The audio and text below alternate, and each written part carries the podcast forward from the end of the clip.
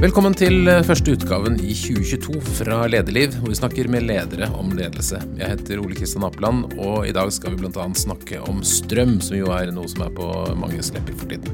Dagens gjest er Karoline Nystrøm, som er administrerende direktør i Schneider Electric Norge. Velkommen, Karoline. Tusen takk, og takk for invitasjonen. Fantastisk å møte folk. Ja, ikke sant? På god avstand, riktignok. på, på trygg avstand. Ja. Du, du, er jo faktisk, har vært på listen over Norges fremte tech-vinner og blir kåret til Europas beste leder innen fornybar energi for et par år siden. Det er gøy.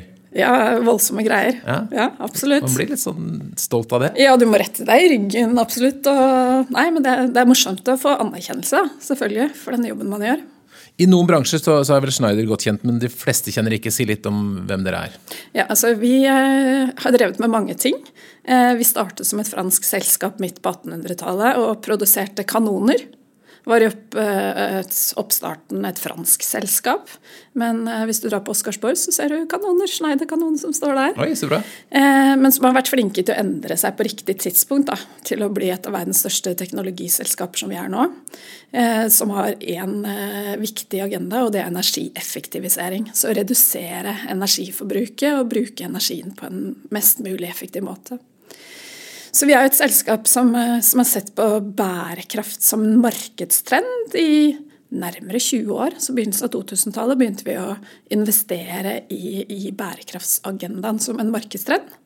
Eh, så er ekstremt godt posisjonert nå 20 år etter. Mm. Hvor mange mennesker er det i Norge? Eh, I Norge er vi drøyt 500 mennesker. Globalt sett så er vi 120 000 i 110 land. Selger dere produkter, eller er det tjenester dere driver med? Eh, ja, begge deler. Mm. Vi selger alt fra kontakter du har hjemme, brytere etc., opp til store styringssystemer. Eh, så alt fra smarthusløsninger i, i hjemmet til store styringssystemer i næringsbygg som dette, eller i industrien. Mm. Vi, litt, vi, skal snakke mye om strøm, altså, men jeg tenker det er litt gøy å starte litt på, på veien din til, til den jobben. Du, du, har en, du, har en, litt sånn morsom CV. for det, ting, du, du, har master fra LSI, altså, fra London, som jeg har sett før. Mm. Så har du gått på, på Purdue på, i, i Indiana. Ja, Middle of the Cornfield. Ja. ja. West Lafayette. West Lafayette. Som er en veldig bra teknologiskole, så da kan du kalle deg boilermaker, som de kaller seg der. Absolutt. Det, men det som var kanskje litt uvanlig, er jo at du også har vært på Lenin State University i, i Sovjet. Ja. Hvordan havnet du der? Altså, når man var russ da i 1991 eh, og hadde lyst til å gjøre noe annerledes et år før man begynte på den tunge økonomiutdannelsen, så tenkte man hva kan det være nyttig å ha lært? Eh, og som kanskje unge tenker i dag, dra til Kina og lære mandarin kan være en grei ting, så tenkte jeg at det å lære seg russisk, det må jo være nyttig. Eh, så UD hadde et utvekslingsprogram, så vi dro til Hviterussland, som da var en del av Sovjetunionen. Eh, så de første seks månedene vi var der, så var det Sovjetunionen. Og de siste seks månedene så var det et uavhengig land som het Hviterussland. Det må ha vært en fantastisk opplevelse? Så jeg har stått i køer for å, med kuponger for å kjøpe brød, og reist rundt hele Sovjet for eh, to dollar flyturen og vært med på masse røverhistorier for det året. Hva er det beste minnet? Eh, nei, hva skal jeg si? Jeg må jo innrømme at det er ganske tøft å gå fra et uh, bo hjemme uh, og gått på videregående og flytte på dorm i, uh, i Sovjet. Så det var en kjempe kjempe, kjempeannerledes eh, erfaring. Så vi var, Av den gruppen som dro, så var det fire jenter, og to av de dro hjem etter to uker. Og så vi andre to greide å bli igjen. Men jeg har sett hele Sovjetunionen på kryss og tvers. Eh, Sibir, eh, eh, den asiatiske delen, burmansk, har vært rundt, som var fantastisk. Eh, en ettermiddag så, så, fant vi ut at vi hadde lyst på McDonald's. Eh, og det var bare én McDonald's i i Sovjetunionen på den tiden, og den var midt i Moskva. Så da satte vi oss på flyet fra, fra Minsk til Moskva for å kjøpe hamburgere, og satte oss på flyet tilbake for å, for å, spise hamburgerne. Hvordan ble du mottatt da? Kjente de til hvordan vi hadde det i Vesten? nå? Ja, altså eh, Hviterussland er jo relativt nærme Europa, så de kjente jo, kjente jo Norden. Eh, men vi var jo litt eksotiske. Men det som, eh, det som, setter det året litt i perspektiv, er jo de vi studerte sammen med, de lærerne. De hadde jo troa på at eh, det skulle bli et åpent, åpent samfunn. Og nå er jo fortsatt Hviterussland et av Europas mest lukkede samfunn og vel eneste diktaturstaten fortsatt. Mm. Så det er litt trist. Så den optimismen de følte, den har ikke helt blitt innfridd? Nei, absolutt ikke. Så det har jo vært veldig, veldig, veldig tøft å følge med på hva som skjer der da. Og jeg har jo hatt veldig lyst til å dra tilbake, eh, men det å dra til Hviterussland nå er en ganske høy risiko. Så jeg tror ikke, jeg tror ikke det er tidspunktet å dra som, eh, som turist til, til Hviterussland. Men hvordan formet det oppholdet mm, ambisjonene dine videre? Nei, det, det, vet jeg ikke. Det som har vært eh, interessant i min karriere, tenker jeg, er å turt å ta litt utradisjonelle valg. Eh, så det året Jeg lærte jo masse russisk og kan mye russisk. Jeg prøver ikke å snakke for mye om det, for jeg er ikke sånn kjempekeen for å bli utplassert i Moskva, må jeg si. Eh, så, så, det var jo veldig nyttig. Men det har, i hvert fall i tidlig i karrieren så skilte det veldig CV-en ut av, av bunken i forhold til andre. da. Eh, for det er jo mange som eh, studerer ute i USA etc., men det å ha hatt et år i Sovjet, det, det skilte, skilte, ting ut. Så jeg har vel, karrieren har blitt preget at jeg har tørt, turt å gutse litt på mm. noen tidspunkter. Eh, og det første steget var jo kanskje ikke Sovjet, men det første steget var kanskje det å tørre å gå på EDB-linja på videregående. Mm. Det var jo også litt sånn gutsy. Hva kan være greit å kunne framover? Jo, det å kunne programmere og sånn, det må jo være en smart skill. Jeg brukte uttrykket EDB for min tenåring her en dag på tøys, og det ante ikke hva det var. Skjønte ikke, hadde ikke hørt om det. Nei, så det IT og det å sitte og binærprogrammering og den type ting var det veldig greit å, å, være innom. Det var også veldig greit å si at jeg var sånn akkurat passe god på det, så jeg fant ut at det å studere økonomi var faktisk eh, smartere.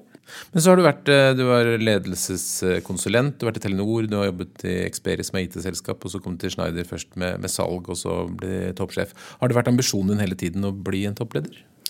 Eh, jeg har alltid likt å lede, eh, men det med toppleder har vel egentlig vært mer i forhold til at veien har blitt til underveis.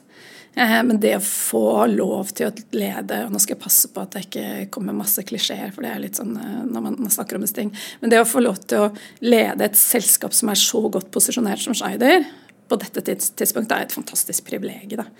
Det, det å få jobbe med både teknologi og bærekraft Eh, og nå er det veldig mange selskaper som har satt eh, fokus på det siste par årene. Men vi følte oss relativt alene når vi snakket om både teknologi og bærekraft og sammenhengen mellom det for en fire år siden når vi startet eh, den reisen. Og Du beskriver et selskap som har vært flinke, hvor man er flinke til å omstille seg over, over lang tid. Da. Er det en viktig del av kulturen deres at man hele tiden skal være i forandring? Ja, vi ligger og dirrer på det jeg sier, på grensen av det som er, er hensiktsmessig endringstakt. Så vi, vi, pusher hverandre hele veien. Eh, og det har vi så langt lykkes veldig godt med. Ser også på et globalt nivå så har vi eh, lykkes veldig i forhold til aksjemarkedet. Eh, men lykkes også med dette med samfunnsagenda. Vi ble jo kåret som verdens mest bærekraftige selskap i 2021 av 8000 globale selskaper. Eh, og det er ikke tilfeldig. Eh, så, så vi har vært veldig heldige og hatt en veldig visjonær ledelse de siste 20 årene. Og det er vi heldige som kun har vært i selskapet i fire år, til å, til å høste fruktene fra. faktisk. Hvordan jobber dere da med å, med å lage en strategi og ikke minst implementere den? Nei, altså vi, vi, jobber jo veldig ut mot, uh, mot Vi har uh, veldig mange forskjellige sluttkunder i Norge. Alt fra deg som uh, privatbruker, hvor vi, vi, ser på smarthusløsninger. og Norge ligger jo relativt langt framme i forhold til utviklingen på det, med bredbåndsdekning etc. men som jeg sa, så har vi en veldig bred portefølje helt opp til styring av både industriinstallasjoner, vindmølleparker, store industribygg og store næringsbygg. Så vi jobber veldig fokusert i forhold til de forskjellige kunde, kundesegmentene. Eh, og så er hele tanken at eh, hardware skal bli connected, altså snakke sammen. Mm. Eh, og etter hvert fjernstyres. Eh, og det siste laget eh, er det å kunne putte kunstig intelligens på toppen, så du faktisk kan lære av forbruksmønstre. Om du vet at folk drar hjem fra jobben klokka fem hver dag på kontoret når man var der, så kan man slå ned temperaturen i seter og spare energi på den måten. Mm. Men nå er det jo veldig mye snakk om strøm. Ja, veldig mye snakk om strøm. og du har fått en del oppmerksomhet ved å gå ut og si at eh, vi bruker altfor mye strøm i Norge, at vi bruker dobbelt så mye som svenskene. Der fikk du litt motstand etterpå, for noen hevdet det var pga. fjernvarme. Men vi bruker mye strøm i Norge? Ja, det er helt klart. ikke sant? Så er det jo noen naturlige deler, for vi bor jo i et kaldt land. Mm. Eh, men poenget med å være såpass tabloid var å prøve å påvirke samfunnsagendaen i forhold til å få dette temaet på energieffektivisering, altså redusere energiforbruket, få det på, på agendaen. Men er vi de i verden som bruker mest strøm? Eh, I utgangspunktet ja, så er det mange grunner til det. Men ja, vi ligger ekstremt høyt, høyt oppe på det. Og som sagt, det har noen naturlige grunner. Eh, men vi, vi, har ikke en god kultur i forhold til å spare på strøm. Og det merker jo vi alle når vi er på besøk i Tyskland etc., hvor du får en smekk på fingeren hvis du ikke slår av lyset. Eh, den type ting i private hjem er vi ikke gode på. Men er det fordi strømmen rett og slett har vært for billig? Ja, det er jo en av konsekvensene. ikke sant? Vi, vi, har det veldig godt, det har vært billig strøm, vi har god råd etc. Så vi har ikke trengt å faktisk fokusere på den nå. Og jeg merker jo selv på tiåringen min Jeg har ikke vært god, god nok på å oppdra henne til å slå av lyset, så nå prøver jeg det. Et, et, et, kan du være så snill slå av mm. lyset på badet når det ikke er der? Men uh, vi har ikke vært gode. Men Er det noe poeng? Er det ikke så bitte lite, og det er ledd og ting bruker så lite strøm for tiden at er det, er det, nyttere? Ja, det gjør det helt klart. Og alle monner drar, og her finnes det jo teknologi. Um, så huset vårt er jo ferdig med å bli smartere og smartere, så nå har vi sensor på badet etter hvert. da. Så når, eh, ikke, når, det ikke er bevegelse der på en, eh, på en stund, så, så slås lyset automatisk av. Sånn er det her på kontoret òg. Hvis jeg sitter stille for lenge, så blir det mørkt. som jeg på reise meg. Ja, jeg synes alltid det, det, det kan jo slå litt feil vei også. Jeg husker i Telenor så var det en sånn automatfunksjon at klokka fem tror jeg det var, at alt lyset gikk av. Og da måtte du manuelt gå bort til en bryter hver, hver halvtime for å slå på igjen. Så tenker jeg det er ikke sikkert at vi ønsker det sånn. For eh, det er jo en kjempehassle, og det er jo signal på at man ikke ønsker at folk skal jobbe lenger enn fem mm. om ettermiddagen. Så nå finnes det så mye bra teknologi at det å ha en sensor på badet f.eks. For, eksempel, for å slå av de, de spottene etc., eh, det betyr jo ikke noe, du får ikke noe dårligere livskvalitet av det. Men hvis Jonas Gahr Støre hadde lest det du hadde sagt, da, og kom til deg og sier du, Karoline, kan ikke du halvere strømforbruket i Norge, hva, hvor ville du startet hen da? Nei, altså Mye av strømforbruket i Norge går jo på bygg. Alt fra næringsbygg til private bygg. Og der finnes det eh, teknologiløsninger nå som er helt eh, klare til å ta ut i markedet. Eh, og vi var del av et arbeid som LO-NHO gjorde her i fjor, eh, fjor høst. Ehm, hvor man sier at hvis man hadde satt energieffektivisering på agendaen, eh, både fra næringsbyggsiden, men også for private bygg, så er det en verdiskapning på mellom 40 000 45 000 arbeidsplasser i det. På installatørledd, altså elektrikerne. Mm. Så, så det er en situasjon hvor man både ved å bruke ny teknologi kan redusere energiforbruket. Og det er jo ikke en sånn engangsinvestering, det er jo en varig investering. ikke sant? Eh, så både få ned regningene til, til folk, eh, bygge arbeidsplasser. 40 000-45 000 arbeidsplasser er ganske mye. Mm. Og det er liksom ikke i Oslo-gryta, det er liksom på tvers av hele landet. Så det er jo også veldig godt i forhold til regionspolitikk. Eh, og samtidig som da man bidrar til å, redusere utslippene og drive bærekraftsagendaen. Men hva er det som eh, er barrierene? Hvorfor skjer det ikke? Nei, og det, det, det er det jeg også lurer litt på. Så vi løper jo etter både NHO og LO. Folk gjør jo noe, det er ikke det. Men det har ikke kommet høyt nok på agendaen. Så, så, det er jo interessant hvordan man ser hydrogen og vindmølleparker og elektrifisering av sokkelen etc., som er veldig høyt på agendaen. Eh, og mange av de områdene har jo ekstremt mye konflikter i seg. Eh, det snakkes det mye om, mens energieffektivisering er så å si konfliktfritt. Men er det fordi at i det store delet så er strøm en liten del av kostnaden til en bedrift? At det er ikke der man har oppmerksomheten sin? Ja, det, det kan jo være én ting. Men jeg, jeg, tenker jo også at det er jo eh, det er interessant også å se hvordan eh, næringslivet setter samfunnsagendaen. Eh, og mye av samfunnsagendaen er jo satt av veldig store norske industriaktører. Og vi ønsker jo alle å bidra til at hydrogen- og vindmølleparker og den type nye industrieventyr Eh, skal lykkes, for det er jo fremtiden vår hvis vi tror at oljen eh, har en utløpsdato. Så, så, så den agendaen er satt veldig, veldig tydelig. Men det å kunne også tenke på å redusere strømforbruket i tillegg, eh, syns jeg vi ikke er gode nok på. og Det er derfor vi har dratt til litt for å prøve å hjelpe å få det opp på, på agendaen. Dere er jo ikke alene i denne bransjen. Hva gjør dere for at Schneider skal være bedre enn de andre? Eh, det vi gjør, er å eh, For det første, som jeg sa, at her har vi hatt en langsiktig strategi. Vi har bygget stein på stein i 20 år.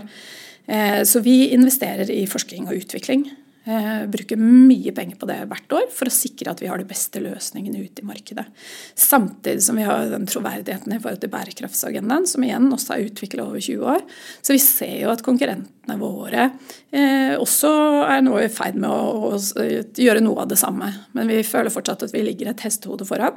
Men vi kommer til å bli utfordret. Eh, så her er det bare å tilbake til dette med endringstakt. Mm. Vi må fortsette å ligge på en endringstakt som ligger akkurat helt på grensen av det som er mm. Men kan det utvikling, stadig utvikling være en utfordring fordi at folk tenker at det skjer så mye nytt her at jeg venter litt med å installere noe smartsystem for det kommer noe nytt neste år? Ja, og det er jo litt av paradokset, ikke sant. Eh, at man, eh, men her kommer jo utvikling. Utvikling kommer jo ikke til å stoppe i, i det hele tatt, så dette kommer jo til å være gradvis. Eh, så de som lager, hvis du ser på privatboliger, de som lager gode løsninger nå, lager løsninger som har det vi kaller åpne API-er, som er integrert, kan integreres mot alle mulige gateways etc. Sånn at man kan da jobbe mot andre leverandører etc. framover. Men de høye strømprisene vi har nå, tenker dere i bransjen at det er bra at vi setter fart på endring? Ehm, jeg tenker jo at det eh, gjør at vi får en helt annen samfunnsdebatt rundt temaet. Og det er jo mange som har begynt å bevege seg på dette temaet nå de siste, siste månedene. Jeg merket også i Arendalsuka i år at dette begynte å bli et tema som ble mer aktuelt. Men jeg syns jo fortsatt ikke at eh, kanskje spesielt media har vært eh, spesielt gode til å sette dette på, på agendaen. Eh, så jeg håper jo, at, eh, håper at, det gjør at vi får energieffektivisering høyere på agendaen framover også. For som sagt, arbeidsplasser, reduksjon i regninger og eh, bærekraftsagendaen, og nesten ikke konflikt. Det er liksom Hvorfor skjer det ikke noe? Men, Men vi har jo noen offentlige ordninger, Enova, sånn, er de bra nok? Eh, det har jo vært eh, et av de temaene som har vært eh, tungt debattert. Så jeg mener jo at det ikke har vært godt nok i forhold til i hvert fall privatmarkedet eller næringsmarkedet. Det har vært, hatt en del industrifokus de siste årene. Så, så der støtter jeg det at det å ta opp og se på strategisk agendaen til Enova er viktig. Mm. Og det har også vært en av de tingene som har vært debattert mye, mye de siste månedene. Hva er de viktigste målene for deg som, som leder av Schneider nå fremover? da? For oss er det jo snakk om å fortsette å ta posisjon, altså få de nye produktene og løsningene ut i markedet. Eh, vi har jo mye global forskning og utvikling som vi, som vi er så heldige å få inn i Norge. Og det å få det ut, eh, ut, i markedet på en god måte er det viktigste for oss. Og selvfølgelig drive topplinje og bunnlinje framover. Mm. Eh, og ved å drive topplinje og bunnlinje så bidrar vi inn mot Eh, mer penger i kassa sentralt i, i, Schneider for å investere i ny forskning og utvikling. Så det er en sånn eh, god, god eh, runddans. Hvordan vil du være som leder for dine ansatte? Det er et Det er et kjempespørsmål, mm. og et veldig vanskelig spørsmål å svare uten å havne inn i klisjeer. Og det er litt utfordringen i forhold til det å være leder og snakke om lederoppgaven, tenker jeg. Eh, men for meg så er det jo og her havner jeg jo klisjéterritoriet med en gang, men som vi snakket om før vi startet eh, podkasten, så er jo det viktigste for meg å ha riktige folk på riktig plass. Eh, det er punkt én. Og at de kan samhandle. Mm. Det er jo de to tingene som er min viktigste oppgave. Hvis jeg har det, og bygget et solid fundament på det, så er jeg sikker på at vi lykkes, lykkes framover. Er det lett å finne riktige folk? Ehm, det blir vanskeligere og vanskeligere. Rekrutteringsmarkedet i Norge nå er ekstremt, eh, ekstremt tøft. Ehm, men vi har fortsatt et fortrinn ved at vi både jobber med tek teknologi og digitalisering og har en veldig veldig troverdig bærekraftsagenda. Så Sånn sett så legger vi fortsatt et hestehode foran de fleste, men vi merker at det også blir blir tøffere framover. Eh, og, og, og, hvem er det du da? Er det ingeniører som er vanskelig å få tak i, eller hva er det slags folk? Ja, ingeniør, men alt, egentlig. Ingeniører, markedsfolk etc. Eh, rekrutteringsmarkedet er, er, stramt nå, så det betyr at vi må også steppe opp eh, den delen av virksomheten vår. Mm. Du har sagt noe ganske interessant i et intervju. ja, det tviler jeg vel ikke på. Du, du, sa at uh, du anslo at 20% av de ansatte ikke liker deg. Det, uh, du, det er en ganske morsom uttalelse. Det er ikke så mange som, som, har sagt det åpent. Hvorfor sier du det? Nei, jeg tenker jo at um, det å være toppleder betyr jo at man må ta noen uh, ofte tøffe beslutninger. Det er jobben min. Og jeg bruker ofte et, eller jeg har kopiert et sitat eh, som jeg vet mange andre også har brukt. Det er at hvis du ønsker å bli populær, så må du selge is. Iskrem. Mm. Det er sagt på engelsk 'if you want to be popular, sell ice cream'. Så det å være toppleder er jo å ta noen tøffe beslutninger. Og det betyr jo at man må stå i det noen ganger. Og Eh, både det å ta tøffe beslutninger på riktig tidspunkt er jo viktig, og beslutningene er jo For det første så er ikke beslutninger alltid riktig, man gjør jo feil som mm. alle andre. Eh, og eh, det kommer jo an på hver enkelts ansatt ståsted om man tror at beslutningen er riktig eller ikke. Og så er det jo, man har jo en voldsom synlighet som toppleder i en organisasjon. Eh, og det er jo alltid, Man blir jo puttet under lupen uansett hvor hardt man jobber og eh, gode intensjoner man har. Og det er jo alltid noen som syns at både beslutninger er feil, man sier ting feil, man gjør ting feil, man ser feil ut. altså Det er mange ting man kan mm. kritisere på. da. Eh, så hvis man skal sove godt om natta, så må man i hvert fall prøve å skille ut med mellom 80 og 20. Får du med mm. deg 80% så har du gjort en ganske høvelig jobb, tenker jeg. Tenker du at de som prøver å være likt av alle, da blir for lite handlekraftige? Ja, det, det, tenker jeg absolutt. Og spesielt hvis du jobber med teknologi hvor du er nødt til å ta noen valg, og det ligger litt foran i skoa. Eh, altså, eh, vi, vi, prøver alle å få med alle, men hvis du skal ha med alle hele tiden, så beveger det seg for sakte. Mm. Men det er jo derfor endringskommunikasjon og endringsledelse er ekstremt viktig, selv om eh, oljefondsjefen vår ikke liker det som noe, noe uttrykk. Men eh, det å kommunisere både visjoner og strategier og hvorfor man tar beslutninger og kontekst man jobber i etc., er jo ekstremt viktig. Du hadde øh, jeg skal ikke si gleden av, men du hadde opplevd å, å si opp øh, en, de som jobbet for Elko på, på Modum. Ja. Som laget stikkontakter og sånne ting og måtte si opp 85 ansatte. Hvordan var det? Ekstremt tøft.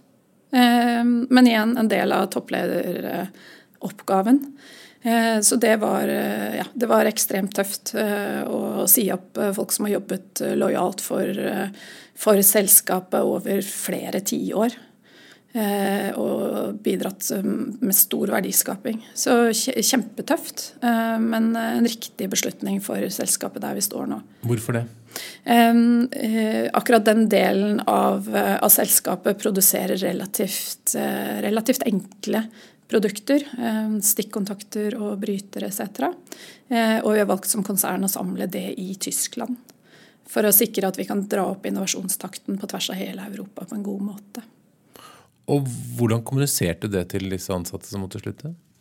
Nei, altså det var jo, For det første kjørte vi jo først en eh, Vi involverte de ansatte i beslutningen. Eh, og tok, eh, tok vel en fire-fem måneder hvor vi hørte på alle synspunkter og, og gikk gjennom og hadde en, hadde en god, god, dialog. Og etter at beslutningen ble tatt, så hadde vi selvfølgelig eh, allmøte på fabrikken. Selvfølgelig har vi involvert tillitsvalgte og sånn i hele prosessen. Eh, så det var eh, veldig tøft for de ansatte. Helt, helt klart. Og så har vi tatt beslutningen på det jeg mener er et riktig tidspunkt, hvor vi har økonomisk handlingsrom til å ta godt vare på de ansatte. Eh, så det betyr at både mange tiltak eh, i forhold til å få folk tilbake i jobb. Så det er smart å kutte mens man har god økonomi, egentlig? Jeg tenker jo at min jobb er å ta beslutninger før det brenner. Eh, for når det brenner, så har du kanskje ikke handlingsrommet til å gi den støtten til å få folk videre. Så ja. Så det er jo en fin balanse, egentlig, akkurat det. Hva lærte du av den nedbemanningen som du ville ta med deg hvis du skulle gjøre noe tilsvarende igjen? Eh, tilbake til det at det er viktig å ha riktige folk rundt seg. Eh, så ledelsen både på fabrikken og, eh, og, resten av konsernet støttet veldig opp om det. Og dialog med tillitsvalgte er ekstremt eh, viktig. Og så ønsket vi å være ryddige og involvere på en best mulig måte i forhold til forkant av beslutningen. Så vil, vil man alltid få bli utfordret i etterkant på den involveringen, om det var en skint prosess eller ikke. Men vi, vi involverte på en, en, ryddig måte, i hvert fall i forkant av beslutningen. Ja, for det er en utfordring at man, Vi har jo et regime i Norge som gjør at man er pålagt å kjøre en del prosesser og dialoger, men ofte så ligger vel svaret klart? Ja, det gjorde det ikke i den situasjonen her. Da. Her brukte vi faktisk fire-fem måneder før vi ønsket å forstå risikobildet på en god måte. Eh, og med så lang fartstid i, i eh, Eh, i Norge, så, så, hadde vi ikke full oversikten. og Derfor brukte vi den tida på å faktisk se på risikobildet også. Nå har det vært en del snakk i det siste om at teknologi og utfordringer med internasjonale varekjeder og sånn gjør at det kan bli aktuelt å bygge mer industri opp i Norge. Ser du for deg at dere kan komme til å produsere mer i Norge i fremtiden? Eh, det syns jeg er vanskelig å si. Det kommer litt an på. Når vi snakker om eh, store forskning- og utviklingsområder, så gjør vi det globalt eller regionalt per mm. region. Eh, og da er Norge en relativt liten aktør i forhold til regioner som Kina, USA, Sentral-Europa etc. Så jeg tenker jo at eh, det å drive eh, høykompetanseutvikling kan være et tema for oss. Men eh, produksjon eh, av, eh, av, mindre, altså mer commodities-varer tror jeg ikke kommer til å ende opp i Norge med det mm. første. Er det noen spesielle hendelser og opplevelser i din lederperiode som du føler har formet deg som leder? Det er jo en lang rekke, tenkte jeg. jeg tenkte når jeg gikk over her i dag, tenkte jeg liksom, tenker litt tilbake i karrieren. Jeg husker jeg den første, den andre uka jeg var i Accenture i London, da jeg, da jeg begynte karrieren etter eh, LSI. Eh, så fikk jeg min første sjef, da, Altaf Kara. En svær inder. Og mest sannsynligvis en av de mest intelligente menneskene jeg hadde har møtt noen gang. Eh, både Harvard og Oxford utdanna. Så jeg skulle på prosjekt i han har følt meg litt som liten da jeg kom. Så Første dag på jobben da, så fikk jeg utdelt to bøker. Jeg var en akademiker, da, selv om vi skulle jobbe praktisk med, med kunder. Så Den ene var eh, Seven Habits of Highly Effective People. og Det er jo en eh, aktuell bok fortsatt. Mm -hmm. eh, og den andre var Driving Miss Daisy som er, som er uh, skjønnlitterært. Og uh, Seven Habits of Highly Effective People, den skjønte jeg jo hvorfor jeg trengte å, uh, trengte å, lese. For der er det jo mange gode tips i forhold til hvordan man skal forholde seg til rammevilkår og prioritere og ta vare på seg selv etc. Mm. Men den Driving Miss Daisy den har jeg fortsatt ikke skjønt hvorfor jeg du har fortsatt ikke skjønt det? Nei, eh, og det er mulig at han prøvde å si noe. Jeg tenkte hva er det jeg skal prøve å lese mellom linjene? Så jeg tenker nå kanskje det er mulig jeg må lese den en gang til. Og i bakspeilet kanskje jeg skjønner mer. Men du turte ikke spørre? Nei, jeg turte ikke. Han var en ganske intimidating fyr, og som ny graduate så, så prøvde jeg å holde deg inne med sjefen. Mm. Men så gikk det to uker til, og så fikk, eh, fikk, jeg en bok til, den tredje boka, og det var eh, Pyramid Principles av kommunikasjon, hvordan du kommuniserer. Det har også vært kjempenyttig. Så bra. Eh, så, så det, er hva skal jeg si for det, er, det er jo mange hendelser og mange røverhistorier, mange cowboyhistorier. Men, Men du har jo du litt fra, du har jo vært inne på salgssiden. Det er ikke så mange ledere faktisk som, som er fra salg. Ofte så kommer man fra økonomi og andre ting. Hva, hva hjelper det deg at du har en salgsbakgrunn? Eh, jeg tenker jo at det hjelper jo først og fremst i forhold til kundedialog. Og jeg merker jo når jeg får snakke med kunder, så jeg, da koser jeg meg. Eh, så det er noe med når man skal ta ut såpass eh, komplekse løsninger som vi, vi tar ut i markedet nå, så er det ekstremt nyttig å ha en salgsbakgrunn, egentlig. For eh, det er ikke alltid verden ser ut Det kan se annerledes ut fra et kundeperspektiv enn fra et leverandørperspektiv. Og det å forstå hvordan kunden tenker og hvordan man kan skru sammen og lage konsepter for å selge, sånn, er, er kjempespennende. Men jeg antar at du har det som mange andre, at du har forskjellige faggrupper med til dels ganske ulik kultur. Altså salgskultur, mer teknologi, utviklingskultur. Hvordan jobber du for å få folk til å spille godt sammen? Eh, nei, her er jo, og Vi er jo i tillegg til det, ja, helt klart forskjellige fag, faggrupper, men i tillegg til det så er vi også et resultat av oppkjøp. Når man har oppkjøp, så har man også tillegg kulturer som skal mm. jobbe sammen. Eh, så der er jo ledergruppa ekstremt viktig. og Det er litt tilbake til å én ha folk som er, er, gode i de rollene som man, eh, man, har, men også som har lyst til å jobbe sammen. Mm. Og en av de utfordringene og mulighetene som vi har kontinuerlig i et, i et selskap som har et fantastisk bredde av produkter og løsninger, er å få, få samarbeide på tvers. Og da er det én ting som gjelder, det er folk. Fortell litt om hvordan du jobber med den ledergruppen. Er den stor, og hvor mye er dere sammen, og hva gjør dere? Eh, vi er ti stykker. Eh, Røftlig halvparten som sitter i altså PNL-resultatområder eh, innenfor forskjellige produktkategorier. Alt fra da, som jeg sa, privathusholdninger til store industrianlegg. Mm. Og halvparten støttefunksjoner. Så sånn som vi har har organisert oss. Det eh, første vi har, som jeg er ganske stolt av, som er kopiert av en, en annen kollega, vi har et ledergruppemandat. Eh, som vi utviklet for to år siden. Hvor vi snakker litt om hvorfor vi er her, og hva vi ønsker å få til, og hvordan vi skal jobbe sammen etc. Det tror jeg er en god ting. Jeg tror mange ledergrupper ikke helt vet det. Ja, det er jo, altså, jeg tenkte når jeg fikk det tipset, tenkte at det her burde jeg gjort før. Mm. Men jeg har i hvert fall gjort det. Så det er et dokument som vi da tar opp uh, hver, hver januar-februar når vi har første, første samling, og så er det ting vi trenger å justere på det mandatet. Og det er også en veldig god introduksjon til nye eh, medlemmer av ledergruppa. Dette er mandatet vårt. Og det er en helt banale ting som rundt liksom hva, hvilken rolle ønsker vi å spille både i forhold til strategien vår, hvordan ønsker vi at, at samhandlingen oss på tvers skal være, eh, og, og hva slags møterytme skal vi ha. Eh, så den møterytmen vi har landet på nå de siste par årene, og dette tar vi en kontinuerlig vurdering på, er eh, Vi møtes eh, fysisk to ganger i måneden. For, nei, jo, fysisk to ganger i måneden, mm. så annenhver uke. Mm. Tre timer fysisk. Så det er de store ledermøtene, hvor vi har skikkelig agenda og er godt forberedt og har de store diskusjonene. Og så har vi vært litt tøffe det siste året for å få en riktig balanse på agendaen mellom supportfunksjoner og salg. At vi har ett møte hver måned som bare snakker om salg, og ett som har supportfunksjoner. Eh, temaer. Alt fra medarbeidertilfredshet til finans og andre ting. Um, så Det er de to store møtene hver måned. Og så har vi de mandagene vi ikke har store ledermøter, så har vi en halvtime synker. Mm. Um, og der er agendaen helt åpen. Det fungerer bra for dere?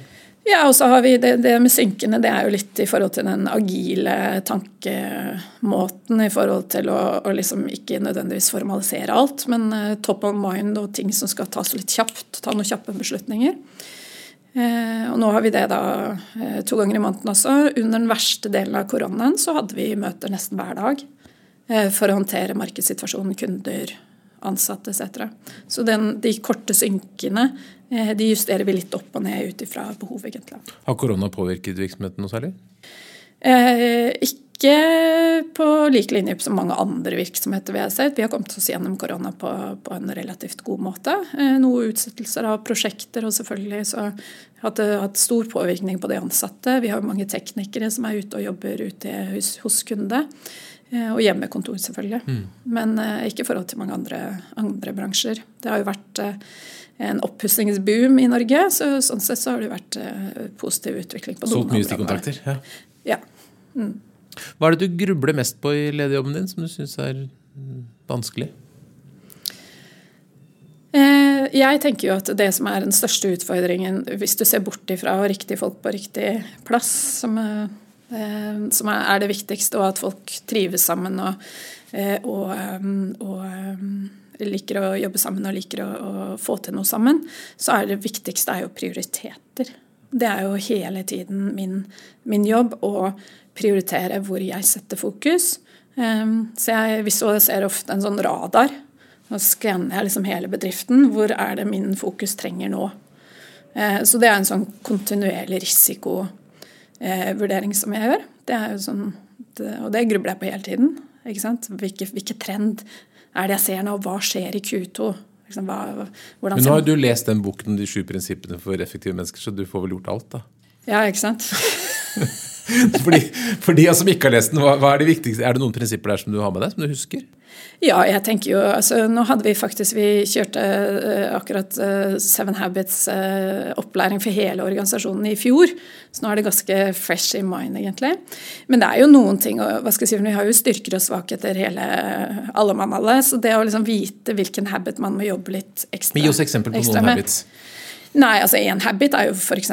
dette med å um, forstå rammebetingelsene. Det tenker jeg er et stort konsern som oss, er det ekstremt viktig, og vi jobbet mye med det.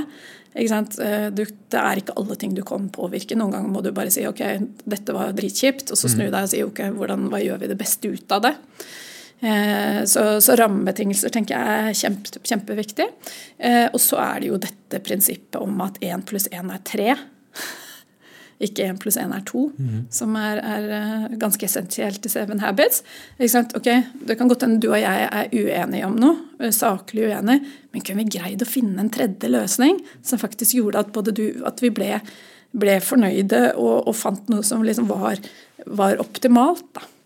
Eh, og de, de, tingene er kjempespennende å, å, jobbe med. Så det er to ting vi har jobbet mye med i forhold til bedriftskulturen. Er det andre ting du grubler på enn prioritering? Eh, ja, strategi er jo alltid altså Prioritering og strategi er jo alltid det som er, er viktig. Hva, hva, er riktig strategi nå? Hvor gjør vi investeringene? Nå vi, har vi fått mål året for året og se hvor vi skal lande. Hvor gjør vi investeringer? Hvor, hvor eh, effektiviserer vi? Eh, hvordan legger vi opp året? Både fra et mer taktisk perspektiv, men fra et strategisk perspektiv også. Nå virker det som med, med, med grønt skifte og høye strømpriser og sånn, så kan det virke som det er en, en lys fremtid for, for bransjen din. Hva, hva, er utfordringene? Nei, bransjen tenker jeg er, har en veldig lys fremtid. Eh, utfordringene tenker jeg litt tilbake til det vi snakket om på samfunnsagenda. Mm. Eh, det går ikke fort nok. Så du må få alle til å skjønne hvor viktig det er det dere skal drive med? Ja. Ja, og, og, som du sa, liksom, 'what's not to like', holdt jeg på å si. Mm. Altså, og det, det, er litt sånn paradokset, da. Eh, så det er jo derfor vi bruker litt litt tid for å, for å være synlig i mediebildet etc. Eh, og tenker at det er viktig. Og, og utfordrer andre til å prøve å, å, å sette agendaen på samme tema, egentlig. For det, vi trenger flere stemmer rundt dette energieffektiviseringstemaet. Mm. Er det offentlig flinke til å gå foran? Eh, det er så lett å svare nei på det. Så det er derfor jeg tenker litt altså jeg, jeg, vet jo at det offentlige vil, men det offentlige sliter litt med endringstakten. Tilbake til det vi snakket om tidligere. Um, så vi ser jo at f.eks. bærekraft og, eh, eh, CO2-fotavtrykk og sånn begynner å dukke opp i offentlige anbudsprosesser. Men det er gjerne på side 22 paragraf 15b. ikke sant? Så når, når, beslutninger skal tas på prosjekter, og sånn, så er det jo ikke et beslutnings... Det er ikke et, et punkt som eh, tillegges vesentlig vekt. Og der kunne jo det offentlige vært mye tydeligere. Mm. Eh, og én ting er jo bærekraftsagendaen, men eh, hvis du f.eks. ser på, på, bygg, som det er mye i forhold til det statlige, så, så, er det jo snakk om hvordan man skal drifte disse byggene framover. Det er jo snakk om hvordan vi skal effektivt bruke skattebetalernes penger etc. også. Ehm, så, men, men det, er, det, er, flinke folk som sitter der også. Vi jobber mye med Statsbygg, som vi syns gjør en, en, kjempejobb. Så det er derfor jeg drar litt på Men man kan alltid gjøre mer. Tror du at vi om ti år bruker mindre strøm per person i Norge enn vi gjør i dag? Eh, det tror jeg. jeg. Hva skal jeg si for noe? Skal jeg bruke ordet håpe? Men jeg, det, er, det, tror jeg ganske sikkert. Og så, så er det, det er et paradoks i det også. Én ting er jo at Eh, jeg tror vi kommer til å redusere energiforbruket på de tingene som allerede er ute i samfunnet. Men samfunnet blir jo mer og mer digitalisert. Så det driver jo energiforbruket også. Mm. Så sånn sett så, så, det å digitalisere på en eh, energieffektiv måte er, er et kjempeparadoks. Og når vi ser på f.eks. hvor mye datasentre som bygges i landet nå i forhold til å, å hoste all den dataen på duppedingsene som vi har nå, så ser jo man at det kommer til å være det, det, det er en økning av energiforbruket framover. Om vi greier å flate det helt ut og redusere det, det er en stor, stor jobb. Hvis det kommer en ung person til deg Karoline, som har lyst til å bli leder, lyst til å bli toppsjef sånn som deg, hva er de viktigste rådene? Hvordan blir man en god leder? Tre råd. Ja, tre råd. Og eh, der skal man også skygge unna klisjeene, for det er lett å havne i det. Nei, for det første så, så må man jo være motivert for, motivert for det. Eh, og vite at det er ikke alltid en dans på roser. Det er fantastiske muligheter. Det er kjempegøy, men det er også ganske tøft. Eh, så da man må kjenne litt på den, den motivasjonen, at man greier å stå i det, tenker jeg igjen. To eh, er litt mer håndfast råd, og det er ofte jeg gir dette til kvinner, i hvert fall. Få deg personalansvar tidlig. Få deg resultatansvar tidlig. Det er ofte at eh, kvinner velger stabsroller, og det mm. gjør at man bygger CV-en på en helt annen måte. Det er jo, er jo eh, to. Mm. Og så er det jo tre. Hva slags, eh, ha noen tanker rundt hva slags lederskap som kommer til å være fremtiden. Altså Det som har vært riktig lederskap nå fram til nå, kan være veldig annerledes enn det man ser framover, tenker jeg. Det handler bunn og grunn om mennesker. Men ha noen tanker rundt hvordan ser det ut å være toppleder om 10-15 år. Mm. Tror jeg vi er veldig heldige i Norge og Norden, for vi har en ganske hva skal jeg si, en relativt moderne lederstil i forhold til mange andre eh, geografier i verden. Vi, er, vi, har relativt flate strukturer, vi har relativt eh, god kommunikasjon i alle ledd. Og, eh, så, så, men det er, det er, noe med å se litt inn i glasskula og tenke på hva, hva er behovet framover i forhold til lederskap. Passer det det jeg ønsker å være? Eh, så, så, jeg tenker jo at det, teknologi er ekstremt essensielt her, da. Vi får ta en litt sånn strømprat på slutten nå. Er det, du, det, er jo noen tusen ledere som hører på Lederliv. og mange har et kontor eller en fabrikk eller noe som bruker strøm. Hva bør vi tenke på? Eh, I forhold til reduksjon av uh, energi? Ja. Nei, for det første må du jo finne noe kompetanse på området. så må du sette deg noen mål, og så må du gjennomføre. Det er ikke verre enn det. Og Hvor mye tror du en gjennomsnittsbedrift kan kutte? Nei, Det kommer jo helt an på bedrift. Altså, snakker, du om, uh, snakker du om uh, kontorbygg som det vi sitter i nå, så 10-15-20% kanskje. Men snakker man industri, så er det kanskje enda høyere. Så det kommer litt an på hva slags virksomhet du du, eh, du driver, tenker jeg. Men det er ikke noe å vente med? Nei, absolutt ikke. Eh, og her er det jo også at man setter krav til Det er jo ofte at bedrifter ikke eier sine egne bygg. Det er jo ofte det å sette krav til, til de som bygger nybygg eller der man skal flytte inn. Spørre ok, hva, hva, hva er det mulighet for å redusere både regninga, men også CO2-fotavtrykket. Og det med energieffektivisering i bygg er jo noe som alle kan bidra til. For de fleste, fleste har kontorer. Selv om vi ikke er så mye der nå. Fin avslutning. Karoline Nystrøm, tusen takk for at du kom til Lederliv. Takk.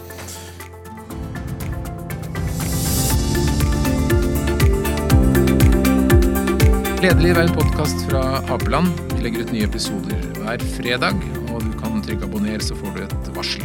Redaksjonen består av Ellen Paulsen, Lars Jarle Melum, Lars Volden og meg, som heter Ole Kristian Apeland. Vi er veldig mottagelige for ros og ris på e-post til meg ole.apeland.no. Eller du kan gi oss en stjerne der hvor du hører podkasten. Takk for at du lytter.